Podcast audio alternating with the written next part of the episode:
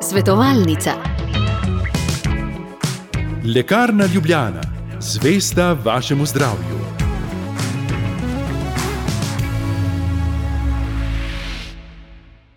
Spoštovane poslušalke in spoštovani poslušalci, lep pozdrav na Miklauževo jutro. Upam, da se je Miklauž ustavil tudi pri vas in tudi vas razveselil s svojimi darovi. Radici pa smo prepričani, da je en velik dar tudi znanje, eh, ki ga skupaj z našimi gosti delimo pravzaprav vsako jutro v naših jutranjih svetovalnicah. No, v današnji, lahko rečemo kar praznični, pa je z nami Miša Pušenjak, eh, svetovalka, specialistka z Kmetijsko-gozdarskega zavoda Maribor. Gospa Miša, lepo dobro jutro tudi vam. Dobro jutro vsem. Prepričan sem, da se je tudi pri vas Miklaš ustavil. Ja, vedno se vstavi vse s kakšno pomarančo, no čokolade, meni ne sme pri nas, to že vsi vejo, da ne sme. Tako da imam pa zelo rada mandarine, tako da jih navadno dobim kar lepo, celo vrečo mandarin. Ampak, gledajte, tako kot sem že prej rekel, sem prepričan, da bodo vaši nasveti zelo lepo Miklauževo darilo za marsikoga med našimi poslušalkami in poslušalci, ki radi pridelujejo svojo zelenjavo.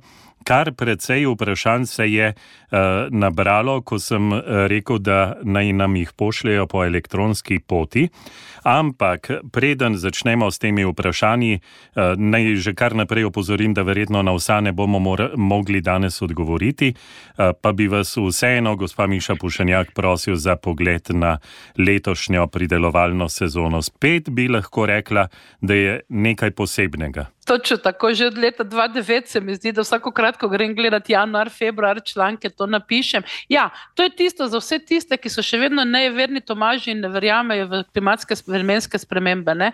Ravno to prenašajo. Ne prinašajo, dobro, da vremenologi govorijo toliko in toliko višji temperaturi in tako naprej, ampak ne, večje vremenske ekstreme in nepredvidljivo vreme. Ne? Včasih smo imeli vremenske pregovore, ki so nekako približno držali, v tistem času se je zgodilo to in to in to, ne? zdaj pa to več nič ne drži.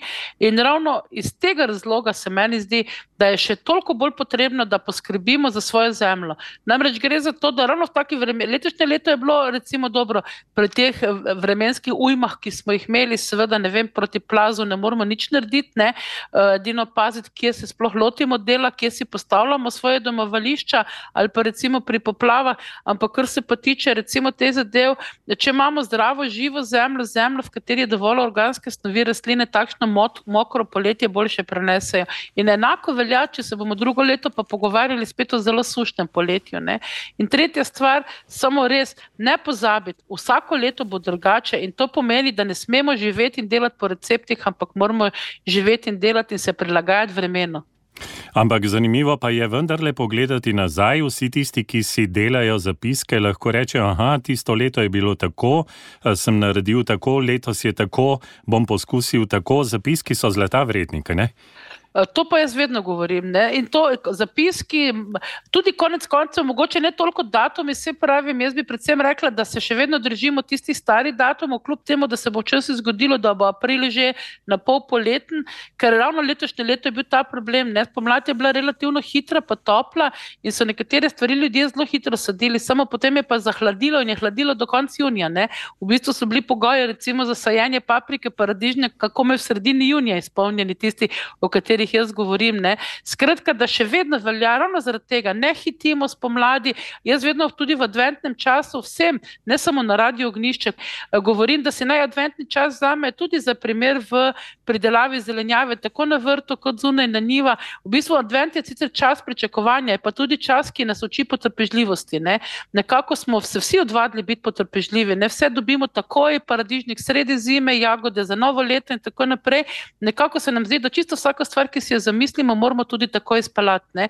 In ravno adventni čas nas pa počasi, no, recimo letošnje leto, katastrofa, že pred 1. novembrom, vse božične lučke in podobne zadeve v trgovinah, ne, to nas ne nauči adventni čas. In tudi na vrtu še vedno velja potrpežljivost, čakanje na primerne razmere, uh, pa zagotovo tudi ena izmed stvari prilagajanja klimatskim spremembam so rastlinjaki. Ne. Se pravi, bolj razmišljati o tem, tam, kjer je možnost, tako finančna kot prostorska, da se postavijo rastlinjaki, ker ti tisti pa nam znajo, tudi letošnje leto recimo je bila predelava v rastlinjakih normalna, no, če lahko rečem na rekovajih normalna.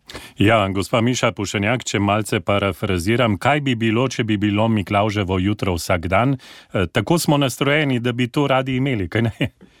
Ja, pa Miklaš, pa Božiček, pa Dedek Mraz, pa rojsti dan, pa God, to bi bilo vsak mesec, ne? to bi bilo krasno. Ja, je res, samo potem pa vam čisto iskreno povedano povem, tega se jaz že dolgo zavedam. Če bi bilo vsak dan sonce, potem sploh ne bi vedeli, kako nam je lepo, ko je sonce. Ne enako velja. Ravno zato so ta darila tako občasna, pa redka, vedno nekaj nekde že v naši predniki tudi niso kar naprej nekaj praznovali, pa kar naprej plesali. Ne?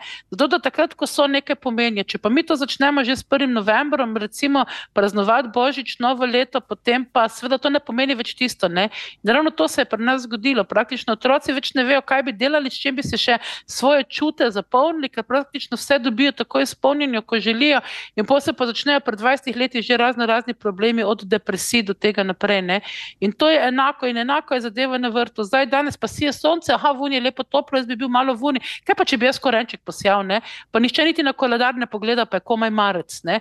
Tu, to, ta problem mi imamo in ta problem, ki se je iz potrošniškega načina razmišljanja nažalost preselil in to je zelo hitro. Ne? Jaz sem prav presenečena, kako hitro tudi pri delu na vrtu, pri delu zelenjave, da ljudje ne znajo več razmišljati oziroma pre, razmisliti, kaj se dogaja. No? Tukaj imamo res težave.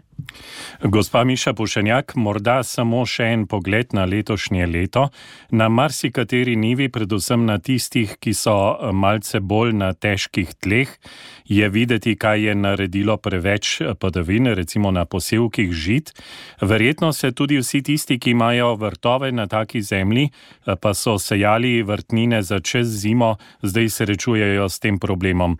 Lahko grebeni rešujejo take zadeve? Edino, recimo, da bom rekla, dvignjene gredice, nekaj to niso, zdaj bomo visoke grede mešali z gredicami, ampak tako pač jaz slovenščini včasih. Uh, ja, definitivno, tiste stari vrtovi, če se spomnite, jaz sem prepričana, da so vsi, so naše babice imele fiksne grede in ker so to leta in leta obdelovali in skrbele tudi za dovolj humusa v tleh, so se te grede kar precej dvignile od potk, ne so imele že kar visoke te grebene in takrat potem voda odteka po potkah. Ne, potke imamo sicer res blatne, to je res, pa težko hodimo, ampak sama zemlja se pa hitreje suši, oziroma korenine rastlin ne stojijo v vodi. In zato jaz tudi že vsa leta opozarjam na to, ne spremenjati vrta v nivo. Vem, da je lažje s frezo prefrezati cel vrt v jeseni, pa ga naenkrat pripraviti, ne pa potke po svoji lastni domišljiji in želji vsako leto drugam postavljati. Ampak to je že imamo drugi problem, ker pol hodimo vsako leto drugje in že s tem uničujemo zemljo. Tretja stvar pa je, ja, če mi imamo stalne fiksne gredice oziroma eh, pripravljene, potem se ta zemlja počasi z našo obdelavo dviguje. In s tem, ko se dviguje, v bistvu, ko na dvignjenih gredicah, pravzaprav voda z njih odteka in je pole taki težav, kot je letos manj. Drugače pa težko zemljo dolgoročno definitivno rešuje, še spet smo pri humusu. Ne? Skratka, gnojenje z organskimi gnojili, mogoče celo kompost na prvem mestu pred gnojem, da spravimo v tako zemljo dovolj humusa in če imamo dovolj organske snovi humusa, od tleh je zemlja rahlejša. Ne? Glina sama oziroma ta težka tla so sestavljena iz zelo malih delcev, ki hitro naležejo en na drugega in potem voda stoji. Ne? Humus je pa tisti, ki pravzaprav ohranja ta tla zračna. Ne pomaga nobeno spreminjanje zemlje, nobeno navažanje zemlje, uporaba peska, bom s peskom razrahljal in nič. Pomaga samo dolgotrajna spet potrpežljivost, ne pa smo spet pri adventu in pa spravimo uporaba čim več naravnih organskih gnojil, tudi rastline za zeleno gnojenje, ki jih zadelamo nazaj v tla, imajo to vlogo. Tako, pa pojdiva zdaj k vprašanjem. Prej ste omenili, da so rastlinjaki tisto, ki nam lahko pomagajo. In ena od poslušalk prosi za vaš nasvet, eh, kako čez zimo pristopiti k zalivanju rastlinjaku. Eh, pravi, da ima v rastlinjaku radič in zimsko rjavko. Jaz zdaj najprej bom opozorila na radič. Ne, radič resnično mora zalivati, ker drugače postane grenek. Ne, radič je grenek samo, če trpi sušo.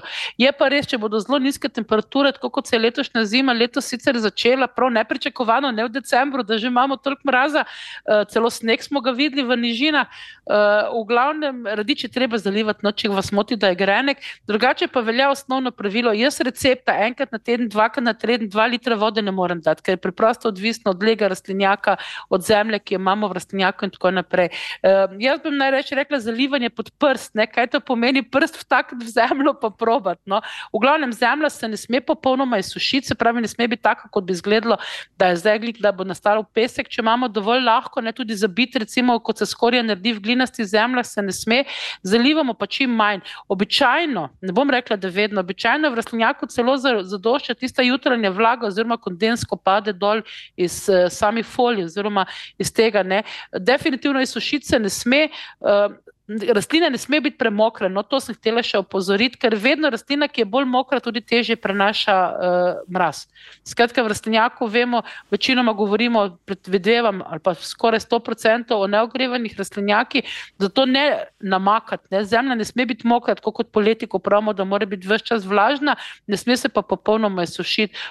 Spravim, jaz težko bi zdaj rekla, bo to dovolj enkrat na mesec, ampak skoraj vedno v ne, raznih nekih izpostavljenih lega pa spet izpuščam primorsko.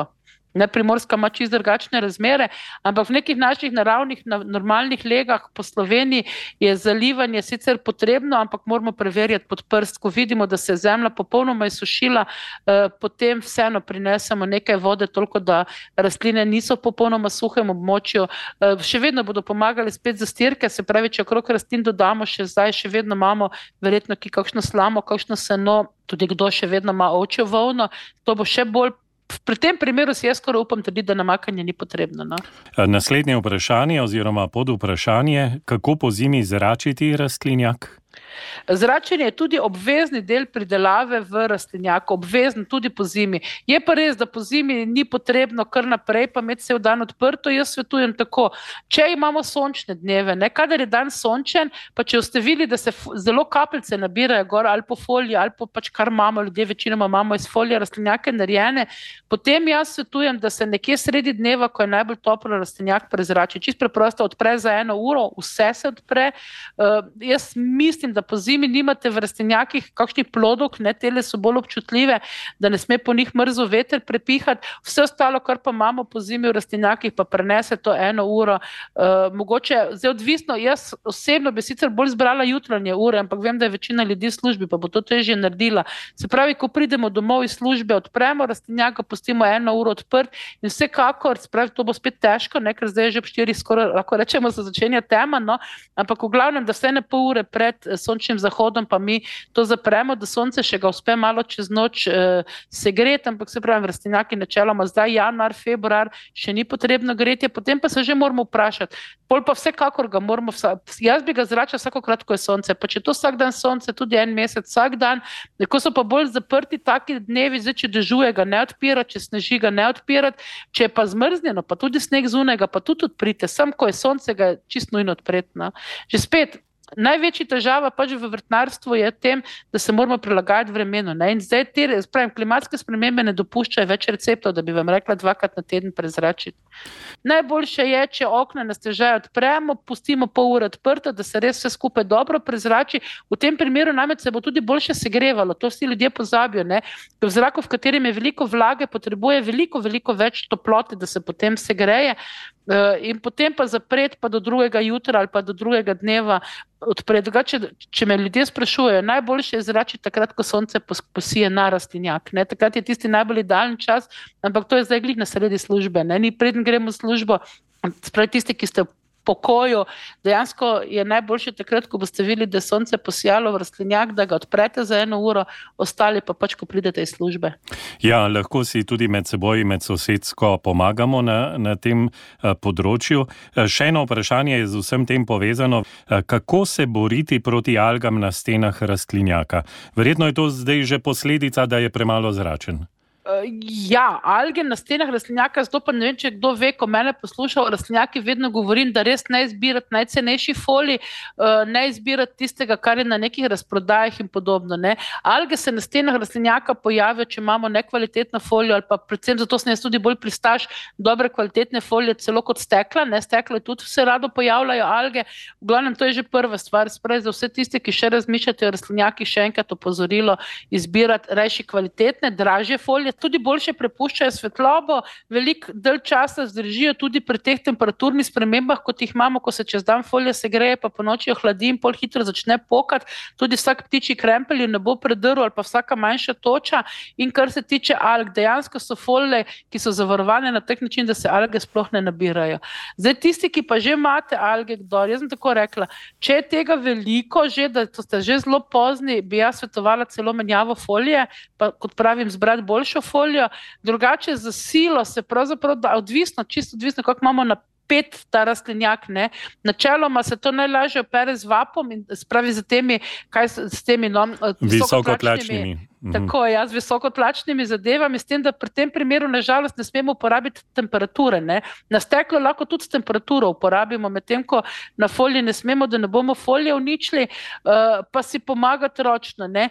Včasih, če pa tega manj, ko se začenja, pomagajo tudi žvepleni pripravki ali pa bakreni pripravki, ampak pa bakrenega reši uporabimo, polko že očistimo vse skupaj.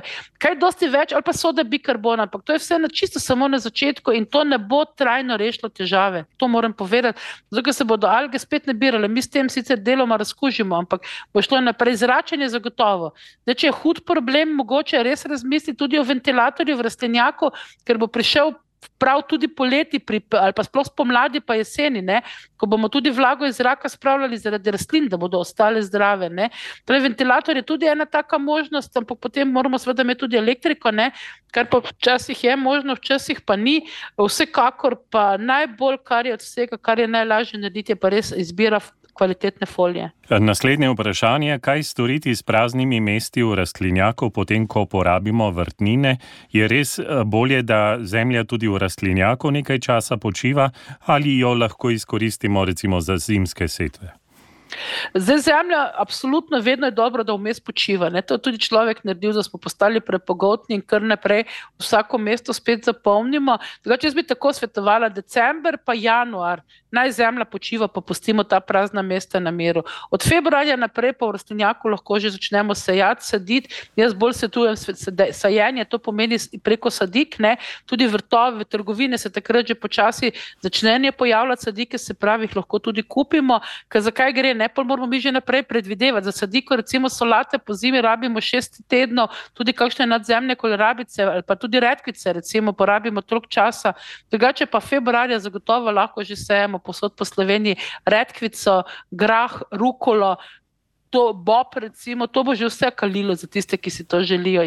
Tudi če bodo kakšen čebulček še kje našli ali pa česni, ga lahko še vtakne. Sam pri teh čebulčkih pa česni moramo vedeti, da je to bolj dolgega roka, se pravi do konca maja, nekje ne. Medtem ko pri tem, ko se prej omenila rukolo, eh, grah, to bo pa že. Redkvico to bo pa že v začetku maja, pa rastlinjak prazen in pripravljen za druge rastline. Tako poslušalka z Dolenske pravi, da je letos precej solate ji ostalo tudi na prostem. Eh, kako jo pravilno zaščititi pred snegom in mrazom, da bi jo čim dalj časa lahko eh, še nabirala? Eh, zdaj upam samo, da gre za pravo solato, ne? ker koliko res ljudi poznam, je to tudi lahko radič pa en divja. Zdaj tako bom rekla, jaz mislim, da ta mraz, ki nas je zdaj v začetku tedna prišel do nas, ne? predvidevam, da je bilo tudi na dolenskem tako hladno, kot je bilo ponedeljek pri nas. Uh, tu ne moramo nič narediti, čist preprosto je bilo preniska temperatura. Drugače, recimo v nekem normalnem, eh, bom rekla, tako kot je bilo do zdaj, je predvsem uporaba alg, pripravkov, ki vsebujejo morske alge, če se le da dva dni prej, eh, kar redno škropimo na 14 dni, recimo z njimi, ne, na liste jih spravljamo, ni potrebno na korenino. Pa kljub temu bi jaz, bom zdaj grdo rekla, spet ne biti pogotn, ne? ker vse to se zdaj dogaja v zadnjih letih. Zdaj v jeseni so vrtovi polni razen tistega, kar pač potrebujemo, radi, predvsem radiča. Vidim tudi endivijo, si ljudje že sadijo kar na zalogo za naslednji deset let in podobne zadeve, ne to delati. Lete kolobar je potreben posod. Ne?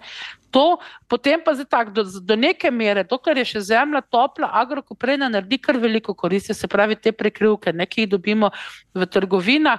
Tukaj je zdaj moj nasvet edino ta, recimo, če je tako mrzlo, kot če. kot Če se bo napovedalo res te nizke temperature pod minus 5, do minus 5 nekje rastline vzdržijo, brez težav, mogoče so malo črni listni robovi, pa to porežemo, ko pojemo. Eh, pod minus 5 pa je bolj dobro, če dvakrat pokrijemo. Se pravi, damo eno plosko pokrivko, pa potem tisti, ki imajo možnost, ampak to ima vsak možnost, ker gre lahko v gost, pa si nabere dovolj dolge palce, razen če nimamo široki gretne. Skratka, to moramo že naprej vedeti, da bo potrebno pokrivanje.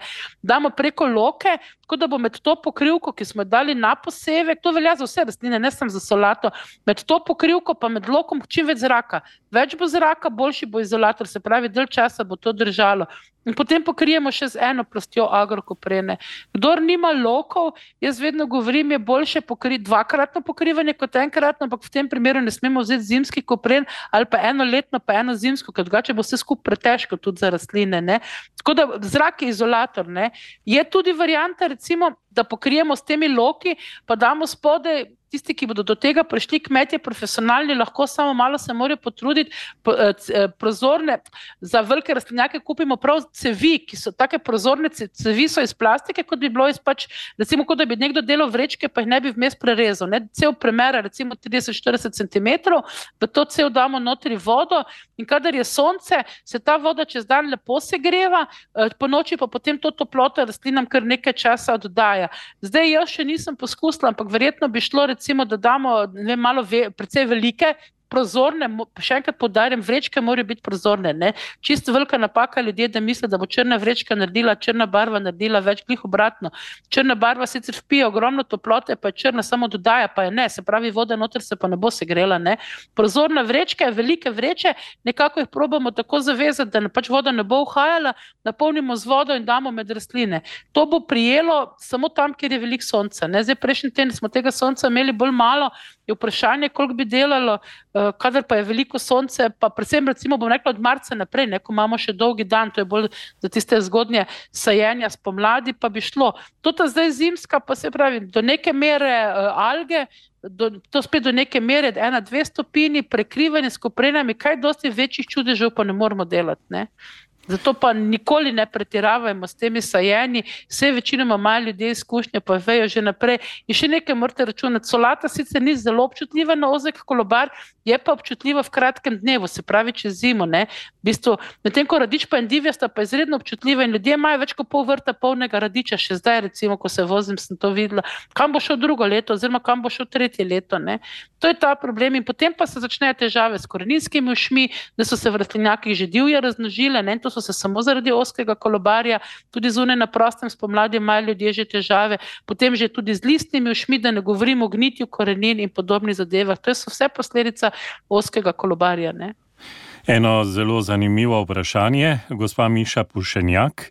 Je res, da ima repa boljši okus, potem ko jo enkrat na nivi dobi slana? Oziroma pod vprašanje, eh, kaj storiti z repo, ki je zmrznila? Zdaj, če je repa močno zmrznila, potem bo malo teže, že kaj tudi ribat. Skratka, do tako daleč, da bi zelo, zelo bom rekla, čist globoko zmrznila, da jo moramo odmrzovati. Enkrat, če se to zgodi, ni problema, ampak takoj, ko se je to zgodilo, jo populiti pa. Ne, ne govorim zdaj o listju, zdaj govorim o samem korenu, nekaj to sta spet dva različna pojma. Listje, rela pa še ni, tudi zdaj nisem šla gledati, sem gledala zunaj, pa še ni tako pomrzno, da bi rekla, da je sila. Ja, dejansko je res, da je boljšega okusa, namreč predvsem pa pa za kisanje bolj primerna, ker vse rastline se v bistvu z mrazom na nek, mrazu na nek način branijo. Ne? In tudi zelje, recimo, isto ne naredi. Eh, ko je mrzlo, zdaj je letos dobro kislo zelje. Mi smo imeli prejšnji teden ocenjevanje kislega zelja in je bilo neverjetno dobri rezultati so bili, ne? ker je bilo hladno, ker je bila pravzaprav skoraj cela jesen, zdaj že kar precej hladna. Ne? V toplem namreč ne delajo dovolj sladkorja. To pa pomeni, da je potem tudi kisanje, moraš biti zelo bolj natančen pri kisanju. No?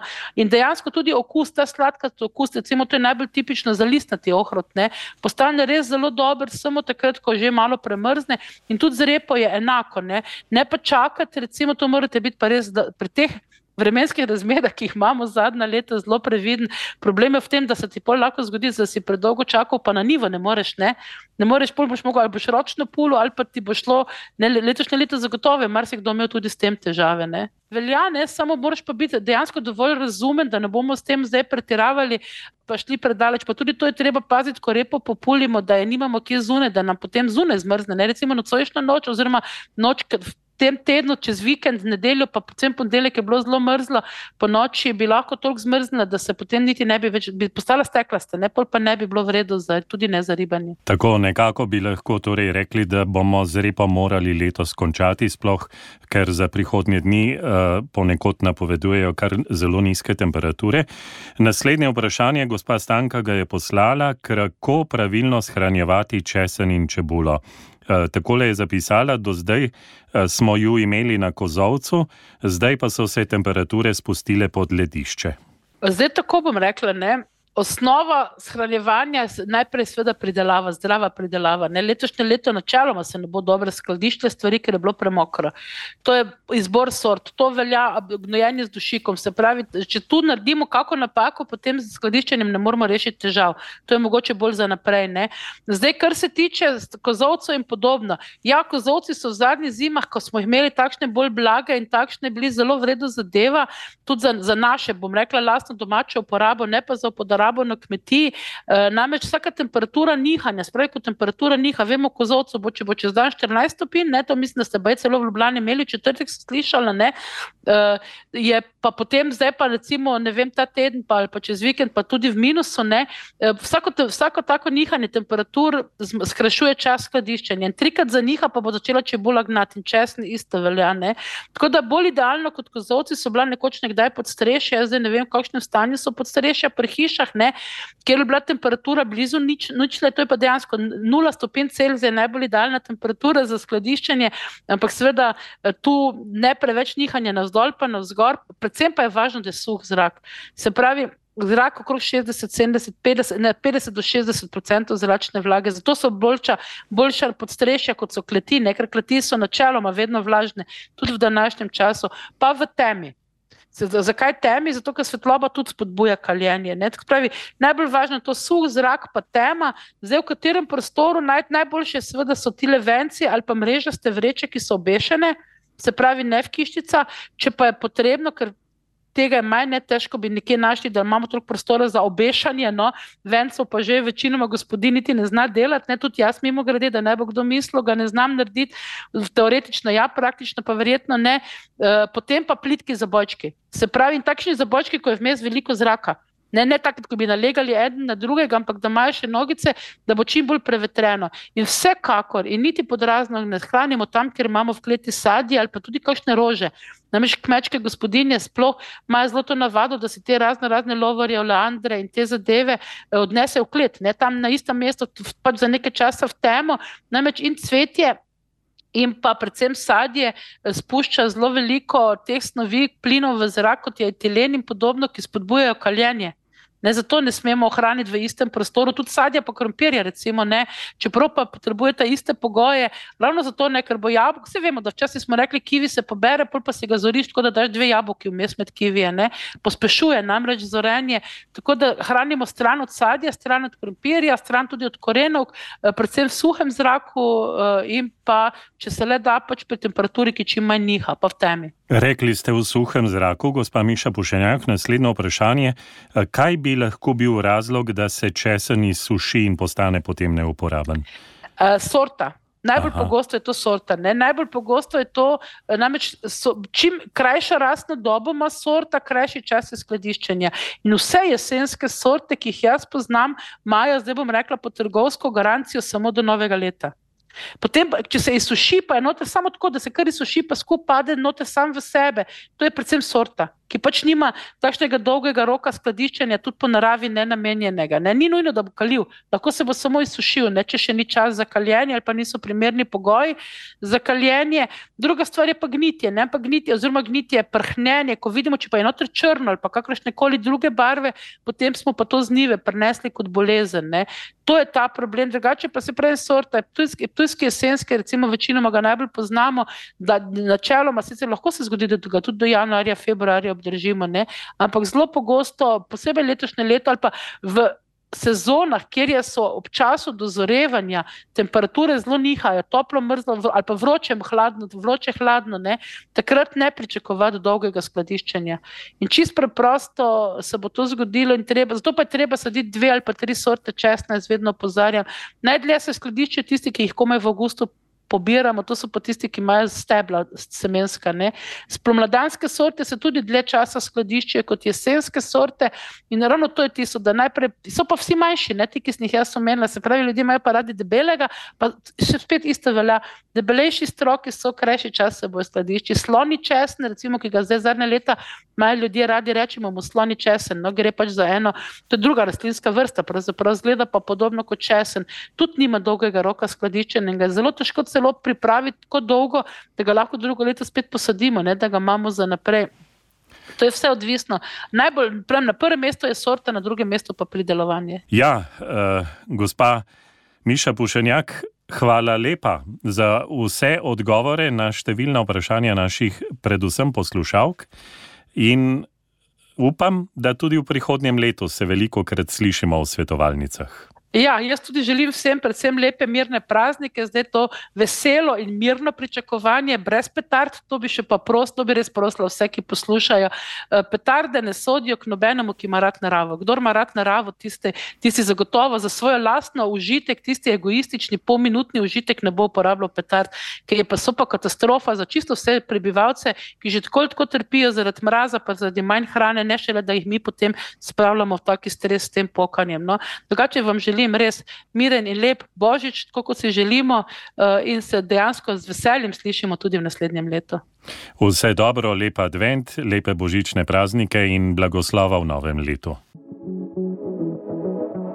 Svetovalnica. LL Viva, specializirana prodajalna z medicinskimi pripomočki. LL Viva.